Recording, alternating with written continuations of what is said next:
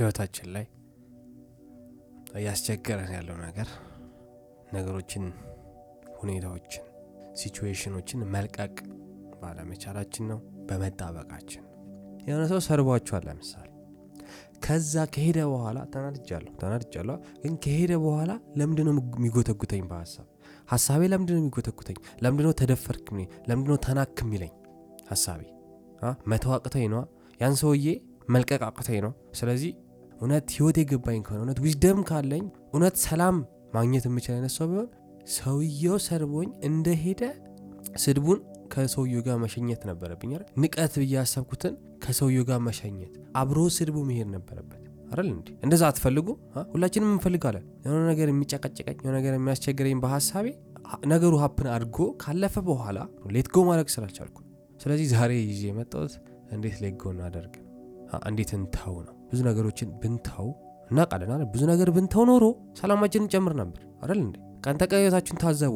አብዛኞቹ ነገር ብተው ኖሮ አትቀኑም ነበር አትናደዱም ነበር አትበሳጩም ነበር አትደበሩም አትጨነቁም ነበር። ብትተዉ ግን ደግሞ ለመተው መረዳት አለ። ለዛ ነው መጀመሪያ በ wisdom መጀመር ያለብን።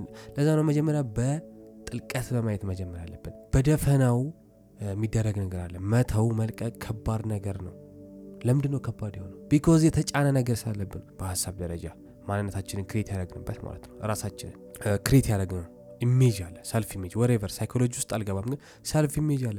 እሱ እየተነካብን ነው ማንነት ብለን ውሸት ነው ግን ሀሳብ ነው የነገረን የጓችን የነገረን ግን ማንነቴ ብለን የሳል ነው ስዕል አለ። እሱ ስለተነካብን ነው። ስለዚህ እኔ አሁን መልቀቅ ወይም ደግሞ ማድረግ መተው ነገሮችን መተው ይቅር ማለት በዛም ሊገለጽ ይችላል። ይቅር ማለት ማለትም ይቻላል መተው ከቻለን ይቅር ማለት እንችላለን ማለት ነው። አብዛኛው እንዲሁም ይቅር ስንል ብዙ ሰላም ልናገኝ እንችላለን። ግን እንዴት ነው ምንችለው ነው እኮ ጨዋታው? እንዴት እንተው ነው? አይደለ እንዴት እንተው? ለዛ ነው እጅስ ላይ ስቴፕ ነው። መጀመሪያ መጀመሪያ የተከመረብንን የአስተሳሰብ ጫና እኒ መጀመሪያ።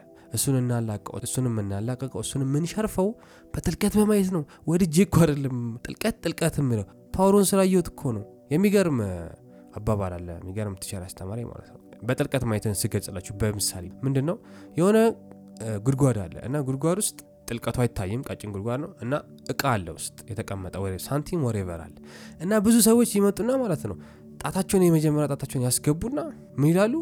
በጣም deep ነው በጣም ጥልቀት አለው ይሄ ጉድጓድ። ስለዚህ ሳንቲም ማውጣት አልችልም እያለ ሁሉም ይሄዳል። ይመጣና እጁን ይሞክርና ይሄ በጣም ጥልቀት አለው ይሄ ጉድጓድ ብሎ ሳንቲሙን ሲያወጣ ይሄዳል ተስፋ ቆርጦ ማለት ከዛ ግን ዋይ ሰው ምንድን ያለው? ጉድጓዱ በጣም ጥልቅ ነው ማለት ሳይሆን ያለባችሁ እጅ አጭር ነው። እጃችን አጭር ስለሆነ ነው። ስለዚህ በጥልቀት የሚለው ምክንያት እጃችን አጭር ስለሆነ ነው ማይታየን እውነቱ። እናስረዝሞ እጃችን ነው። perspective ኣችን እይታችን አጭር ስለሆነ ነው የምናየው። የሆነች ሜትር ብቻ ነው። በደንብ ግን በጥልቀት ብናሰፋው ያን ሜትር ብዙ ያላየናቸው የሚገራርሙ ነገሮች አሉ። ለዛ ነው contemplation ይባል። ስለዚህ ለመተው ከፈለግን ለመልቀቅ እንደሱ ለማድረግ የሚያስፈልገን በጥልቀት ማየት ነው። ምንድን ነው የምናየው ነው ማንነታችንን self የሚለውን እኔ የሚለውን በጥልቀት እናየውን ስለዚህ let go ማድረግ ከፈለግን ነገሮችን መተው ከፈለግን ከሁሉም ጋር ተስማምተን መኖር ከፈለግን ሰላማችን እንዲጨምር ከፈለግን አሁን አንድ በጥልቀት ማየት ያለብናል እኔ የሚለው ነገራችን ማንነታችን። ይህ የ create ያደረግነው self image ማን ነው? መጀመሪያ እንዳልኩት contemplation መጠየቅ ነው። ጠይቅ ውስጥ ምንድን ነው? እስከዛሬ እጃችን አጭር ነበር። በደንብ አላየነውም። ከላይ ከላይ ነው። መጀመሪያ check አድርጉ ራሳችን ምንድን ነው እኔ ብዬ present የማደረገው ነገር? ስለዚህ ለመልቀቅ ለመተው ነገሮችን መጀመሪያ የሚይዘውን part የቱ ማን ነው የሚይዘው ያን ነገር? ማን ነው አለቅም ያለው? እኔ ነኝ አይደል? እኔ ማን ያው ጥያቄ ጠይቀዋለ እኔ ማን ግን እኔ ማን እኔ የሚባለው concept ጥልቀት የሚያስፈልገው ለዚህ ነው። ምንድን ነው አይን አፍንጫ ጆሮ አይምሮ ወይስ ልብ? ወይስ ሳምባ ወይስ እግር? silly ሊመስላችሁ ይችላል ግን በደንብ ይዩት ማን ነው የተጣበቀው? እሱን ለመመለስ ሞክሩ ማለት ነው። ስለዚህ ዝም ብላችሁ ነገር ተነስታችሁ ያናደዳችሁ ነገር ያሰቃያችሁ ነገር መልቀቅ የማችሉት መተው የማችሉት ሰላማችሁ ማግኘት የማችሉት የሚጣበቅ ነገር ስላለ ነው። ማን ነው የሚጣበቀው? እኔ። እኔ ማን ነኝ? እኔ የትኛው? እኔ የሚለው አሁን በጥልቀት ካላየ ነው ምን የሚል አስተሳሰብ ይመጣል? በጠቅላላ እኔ እጅ እግሬ አፍንጭ የሆነ like አንድ ወጥ ነገር ያለ ይመስለናል በጥልቀት ዩትማ የሚባል ነገር የለም ወጥ የሚባል ነገር የለም ለምን ሀሳባችን በየሳምንቱ ተለዋውጧል even physical ኣችን ተቃይሯል ግን የሚቆም ቋሚ ነገር የለም። that's actually essence ኡ ነው። የዊዝደም ኤሰንስ የዊዝደም ምንጭ ጊዜነት ነው አይደል? ስለዚህ ሁሉም ነገር ጊዜ ከሆነ እኔ የምለው እኔ የምለው የሚጣበቅ ነገር የለም ማለት ነው። ስለዚህ everything ምን ይሆናል? አሁንም እስከ ዛሬ ሲለፈልፍ የነበረው ሀሳብ ነው create ያደረገው ምን ላይ እንደርሳለን? formation ነው fabrication ነው ማለት ነው። እኔ የሚባለው ego የሚባለው ነገር እውነታ የለውም፣ fabrication ነው። fabricate ማን ያደረገው? ሀሳባችን ነው። ይሄ ጋዝ ያደረገ ነገር የሰበሰብነው ነገር ነው። መልቀቅ ማንችለው ለዛ ነው። ስለዚህ በጥልቀት ወደ ምን እንመጣለን? ego ዬ ይሄ ተነካው የሚለው ተናደድኩ የሚለው ተቆጮ የሚለው part ማን ነው ማን ነው የእውነት ብለን እንጠይቃለን። አዎ ይገባኛል፣ ከባድ ነገር የእውነት ትዝ ይለኛል። መጀመሪያ ይህንን እኔ practice ለማድረግ ወይም በጥልቀት ለማየት ስሞክር በጣም ከብዶኝ ነበር። በጣም ማንነቴ ላይ ተጣብቄ ነበር፣ እኔነቴ ማለት አሁንም እርግጠኛ ነኝ እናንተ sense ላይሰጣችሁ ይችላል። I understand በጣም ነው የሚገባኝ፣ ግን እንድመለስበት ያደረገኝ ማለት ነው። ይሄ ነገር ባይዋጥልኝ መጀመሪያ እንዳየው ያደረገኝ contemplate እንዳደርገው ያደረገኝ ማለት ነው። ሌሎች አማራጮችን check አድርጌ አንዳቸውም ትርጉም የላቸው። ይልቁንስ ይሄ ማንነት የሚባለውን እያኮፈሰ የማይሆን ቦታ እየከተተኝ ነው። ራሴን እየቆለልኩ የማይሆን ስራ እያሰራኝ ነው። ስለዚህ ይሄ ነገር ማለት ነው አያዋጣኝም ብዬ በፊት የደበረኝ ያልተስማማኝ ያልተመቸኝን ይሄ ማንነቴን check ላድርግ። እስቲ ማን ነው የሚናደደው? እስቲ ማን ነው የሚቀነው የሚለውን check ላድርግ ብዬ ወደ ውስጥ እንድመለስ ያደረገኝ ማለት ነው። ሌሎቹ አማራጮች sense ስለማይሰጡ ነው። አሁንም ይሄ sense ባይሰጣችሁ ማየት ያለባችሁ ትልቁ ምክንያት ማለት ነው ሌሎቹ አማራጮች እውነቱን እየሸፋፈኑባችሁ ነው ማለት ነው። መጀመሪያም እስካሁን እንዳልኩት ወደ ውስጥ መመልከት ነው ወሳኝ ነገር ብያለሁ። ስለዚህ ወደ ውስጥ ስንመለከት ይሄ ጥያቄ መነሳት አይቀርም። ማን? ማን ነው የሚናደደው? ማን ነው የሚጠቆም ነገር አለ ወይ? የሆነ ቋሚ ነገር አለ ወይ? መልሱልኝ። አለ ወይ ቋሚ ነገር? ማን የተናደደው? ማን የቀናው? ማን ነው ያንን የደገፈው? ማን ነው ይሄንን ያልደገፈው? እኔ ጋር የምጠቆመው ነገር አለኝ ወይ? አዎ ቀላል ይመስላል አሁን ሳወራው፣ ግን ጠይቃችሁ ታውቃላችሁ? even ለመጠየቅ ዝግጁ ናችሁ ወይ? even ለመጠየቅ ትፈልጋላችሁ ወይ? እኔ አልነበርኩም ለረጅም ጊዜ። ለምን ማንነት የተነካ መሰለኝ። ego ዬ ነው ለካስ። ego ዬ ተናደደ። ego ዬ insulted ሆነ። አልፈለገም ይህን ጥያቄ ለመጠየቅ። ስለዚህ የሆነ ጊዜያት አቃጥያለሁ ይህንን ጥያቄ ላለመጠየቅ ማለት ነው። እና ሌላ አማራጭ ስፈልግ ነበር። ሌሎቹ አማራጮች ይባስ ego የሚያኮፍሱ ናቸው። ሰላሜን ሳይሆን የሚጨምሩት just delude እያደረጉኝ ነው፣ እየሸወዱኝ ነው። ራሴ የማልፈልገውን ጸባይ እያንጸባረቁብኝ ነው። ቁጭት የበዛው ስራ እንድሰራ አድርገውኛል ሌሎቹ። ስለዚህ ይሄኛው part ግን ማለት ነው ከባድ ነው አውቃለሁ ከባድ ነው በራሴ ላይ ነው።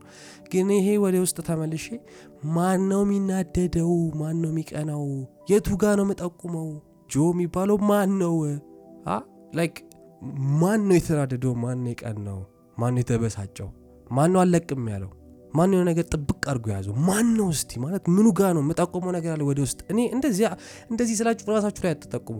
ራሳችሁ ስትጠቁሙ ማን ነው ጠቋሚ? ማን ነው የፈቀደላችሁ? ማለት ከምንድን ነው የተነሳው ይሄ ነገር illusion አይደለም ወይ? እየተሸወድን አይደለም ወይ? በጥልቀት ስጠይቁት የሆነ sense ይሰጣችኋል። እኔ ነኝ። እንዴት ነው እኔ መናደድ የምፈልገው? እንዴት ነው እኔ መጎዳት የምፈልገው? እየጎዳ አይደለም ወይ? ስንቀና፣ ስንናደድ፣ ሰላማች ስናጣ እየተጎዳን አለ ወይ? ስለዚህ እንዴት እኔ ራሴን መጉዳት እፈልጋለሁ? አይደል? sense አይሰጥም እኮ። ስለዚህ ማን ነው ታዲያ የሚፈልገው? ራሱን መጉዳት የሚፈልገው ማን ነው ታዲያ? አብዛኛው ጊዜ ራሱ ላይ የማይሆን ነገር እንዲያደረግ የሚፈልግ ሰው ማለት ነው። ስለዚህ እኔ የሚባለው part illusion ነው ማለት ነው። ለምን ራሴን አልጎዳማ? የእውነት ቋሚ እኔ ቢኖረኝ ኖሮ ራሴን አልጎዳም ነበር። ሁሌ የሚጠቅም የሚጠቅም ነገር አደረግ ነበር። ለምንድነው ታዲያ የማታረጉት? ለምንድነው ታዲያ የማትፈልጉትን ነገር የምታደርጉት? everyday life ኣችሁ ለምንድነው ጉስቁልቁል ያለው? ለምንድነው ህይወት አጥጋቢ ያለው ነው? ምክንያቱ ምንድነው? የእውነትማ ማንነት ቢኖራችሁ የምትጠቁሙት ነገር ቢኖራችሁ ማለት ነው እንደዛ አታደርጉም ነበር። ሁልጊዜ የሚጠቅማችሁ ሁልጊዜ ሰላም የሚሰጣችሁ እንዳደረጉ ነበር። ስለዚህ እየተሸወድን ነው። ይሄ cover up ነው ማለት ነው። እየተሸወድን ነው ማለት። ስለዚህ ማን ነው የሚሸውደን? ego ኣችን ነው፣ ሀሳባችን ነው፣ ያልተረጋጋ mind ኣችን ነው፣ የራሳችን የምንለው እውነት ስለሌለን ነው። ስለዚህ ይህን ጥያቄ ማለት መመለስ እንችል ይህን ጥያቄ በጥልቀት አይተን መመለስ እንችል ነው መልቀቅ የምንችለው ነው መተው የምንችለው ነው። የሆነ ሰው ሰድቦኝ ማለት ነው ልክ ሰውየው ሰድቦኝ እንደሄደ ስድቡ ምኑም አብሮት መሄድ የሚችለው ስድቡ አብሮኝ የማይቆየው ማንም የሚቀበለው ከውስጥ ስለሌለ ነው። ወይም የኔ ማንነት ለእኔ ሰላም የቆመ ቢሆን ለምንድን ነው መብገነገነው ታዲያ? ሳላወቅኩ ዊችዝ ሰልፍ የሚባል ነገር እንደሌለ ስላላወቅኩ እኔ የሚባል ቋሚ ነገር እንደሌለ ስላላወቅኩ ምንድን ያለው ካላችሁኝ እንደዚህ የምመልስላችሁ ነገር አይደለም። ግን አሁን እኔ የምለው ማክስ ታውቃላችሁ obviously fake ሰውነት ላይ actor actor ምንድን ነው የሚያደርገው? የሆነ ገጸ ነው የሚጫወተው። ስለዚህ የሆነ ገጸ ባህሪ የሚጫወት ውስጣችሁ አለ በሀሳብ እሱን እንድታወልቁ ነው። not self የምለው። መልቀቅ ከፈለጋችሁ ንዴትን ይሄ image ኣችሁን fake image ኣችሁን ይሄ illusion ኣችሁን መልቀቅ አለባችሁ። ይህን illusion ኣችሁን investigate አድርጋችሁ contemplate አድርጋችሁ ተረድታችሁት self የሚጠቆም ነገር ማንነቴ ይሄ እኔ ነኝ እኔ የተናደድኩት ይሄኛው ማ ምን ይሆናል? እኔ የሚለው part አንድ ገጸ ባህሪ እንደሆነ እወቁና በጥልቀት አይታችሁ ከዛ ከሱ ተገላገሉ መጀመሪያ። ከዛ በኋላ የሚመጣውን obviously ስደርሱ ታውቁታላችሁ። ይሄ የሚገለጽ ነገር አለም ግን ምንድነው በጠቅላላ የዚህ ቪዲዮ point ማለት ነው? ብዙዎቻችን አወቅንም አላወቅንም actually ብዙ ጊዜ ሳናቅ የሆነ ገጸ ባህሪ እየተጫወትን ነው። ስለዚህ ያ ገጸ ባህሪ ነው mood እያያዝብን ያለው። almost በሆነ ነገር ቁጥጥር ስር ውጭ ነን።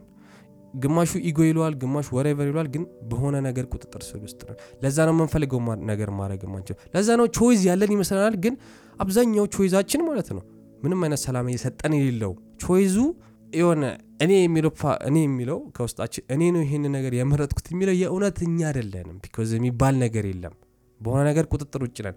ከዛ በኋላ ምንድን ያለውን የሚባለው? ከዚህ ከ ego ነፃ አውጡና አግኙት። የሚወራ ነገር አለ ነግራችሁ አለ የምጠቆማችሁ አለ ግን አሁን የሆነ የለበሳችሁት የለበስነው ነገር አለ። ሰላም ያሳጣን ነገር በ meditation በ contemplation የሚለቀቅ ማለት ነው የሚጸዳ ነገር አለ። ስለዚህ እሱ ላይ እንድሰሩ ነው። ስለዚህ አሁን self የምትሉት አሁን እኔ የምትሉት ነገር ትክክል አለም illusion ነው። ምክንያት አለኝ። ምንም ምንም እየጠቀማቸው አይደለም። ምንም እየጠቀምን አይደለም። ስለዚህ ተጠራጠሯ። መጠራጠር እኳ አሪፍ ነው። እና ስለዚህ ትክክለኛ እውነት ምንድን ነው ብላችሁ ራሳችሁ ጠይቁ ማን ነው የሚጣበቀው? ማን ነው የማልፈልገውን ነገር? እኔን የማይጠቅመኝን ነገር የማደርገው? ለምንድን ነው? እኔ እኔ ብዬ እኔ ከሆነ እኔ የምቆጣጠረው ነገር ከሆነ እውነት? የምንቆጣጠረው ነገር ካለ። ለምንድነው ታዲያ የማልፈልገው ነገር? ለምንድነው የምናድደው ለምንድነው የምብሰለሰለው? ለምንድነው የምጨነቀው? የእውነት በእኔ ቁጥጥር ስር ቢሆን ነገሮች ማለት ነው። እኔ መጨነቅ አልፈልግማ ስለዚህ ለምንድነው መጨነቅ ማቆም ያቃተኝ? ለምንድነው ንዴትን ማቆም ያቃተኝ? ከውጭ ስለሚመጡ ነው። which is create የሚደረግ form የሚደረጉ ናቸው። fabrication ኖች ናቸው። ለዛ ነው ከእኛ ጋር የሚያገናኛቸው ነገር የለም።